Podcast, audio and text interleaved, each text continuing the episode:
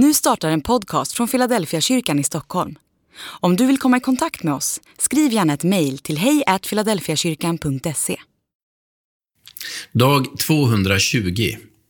Stormen. En man gick ut för att så. När han sådde föll en del på vägkanten och fåglarna kom och åt upp det. Så hör då vad som menas med liknelsen om mannen som sådde. Var gång någon hör ordet om riket utan att förstå kommer den onde att snappa bort det som har blivit sått i hans hjärta. Det är sådden vid vägkanten. Matteus 13, vers 3-4 och vers 18-19. För några år sedan hörde jag en klimatforskare tala om nyttan med stormar. Han hävdade att det behövs några rejäla oväder varje år för att havet ska må bra. När stormen river upp havsytan och vågorna blir tillräckligt kraftiga börjar hela havet röra sig och syrerikt ytvatten trycks ner mot bottnen. De syrefattiga bottnarna får nytt liv och döda havsbottnar kan börja blomma. Det låter nästan motsägelsefullt. Att det som hotar att fälla stora skogsområden och utradera enorma värden samtidigt kan ge nytt liv nere på djupet. Men så är det. Stormen kan vara en bild för vad det innebär att gräva upp en åker. För att jorden ska vara möjlig att beså behöver den plöjas.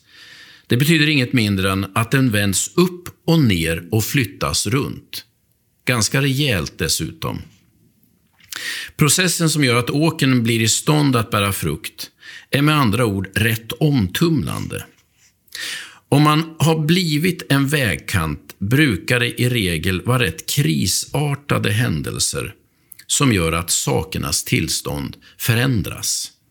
Ibland är det en livskris, en krasch eller bara en rejäl personlig omvärdering som gör att vi inser att något nytt behöver slå rot i vårt inre.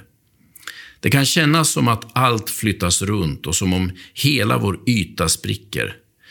Men låt mig påminna om att krisen inte bara är en risk, utan också en möjlighet.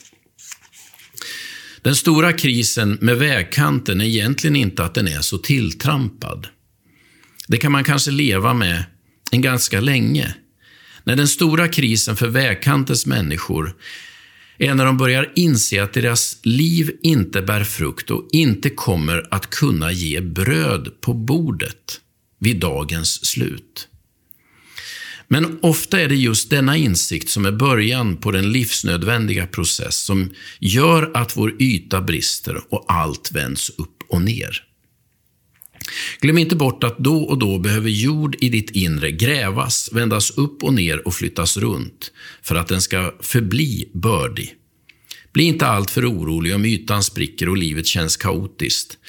Kanske är det en livsnödvändig process för att ditt hjärta ska kunna bära frukt och ge skörd som ger verkligt näringsrikt bröd.